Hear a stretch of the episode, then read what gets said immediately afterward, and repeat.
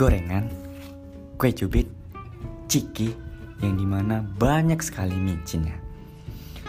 Uh, makanan seperti itu banyak sekali mengandung rasa. Rasa apa? Rasa sayang, eh ya. Rasa di mana ada rasa manis, pedas, dan rasa pahit. Seperti itu juga kehidupan kita mengalami rasa pahit, rasa manis, rasa pedas. Untuk mengetahui itu semua, ikuti saja podcast gue bagas.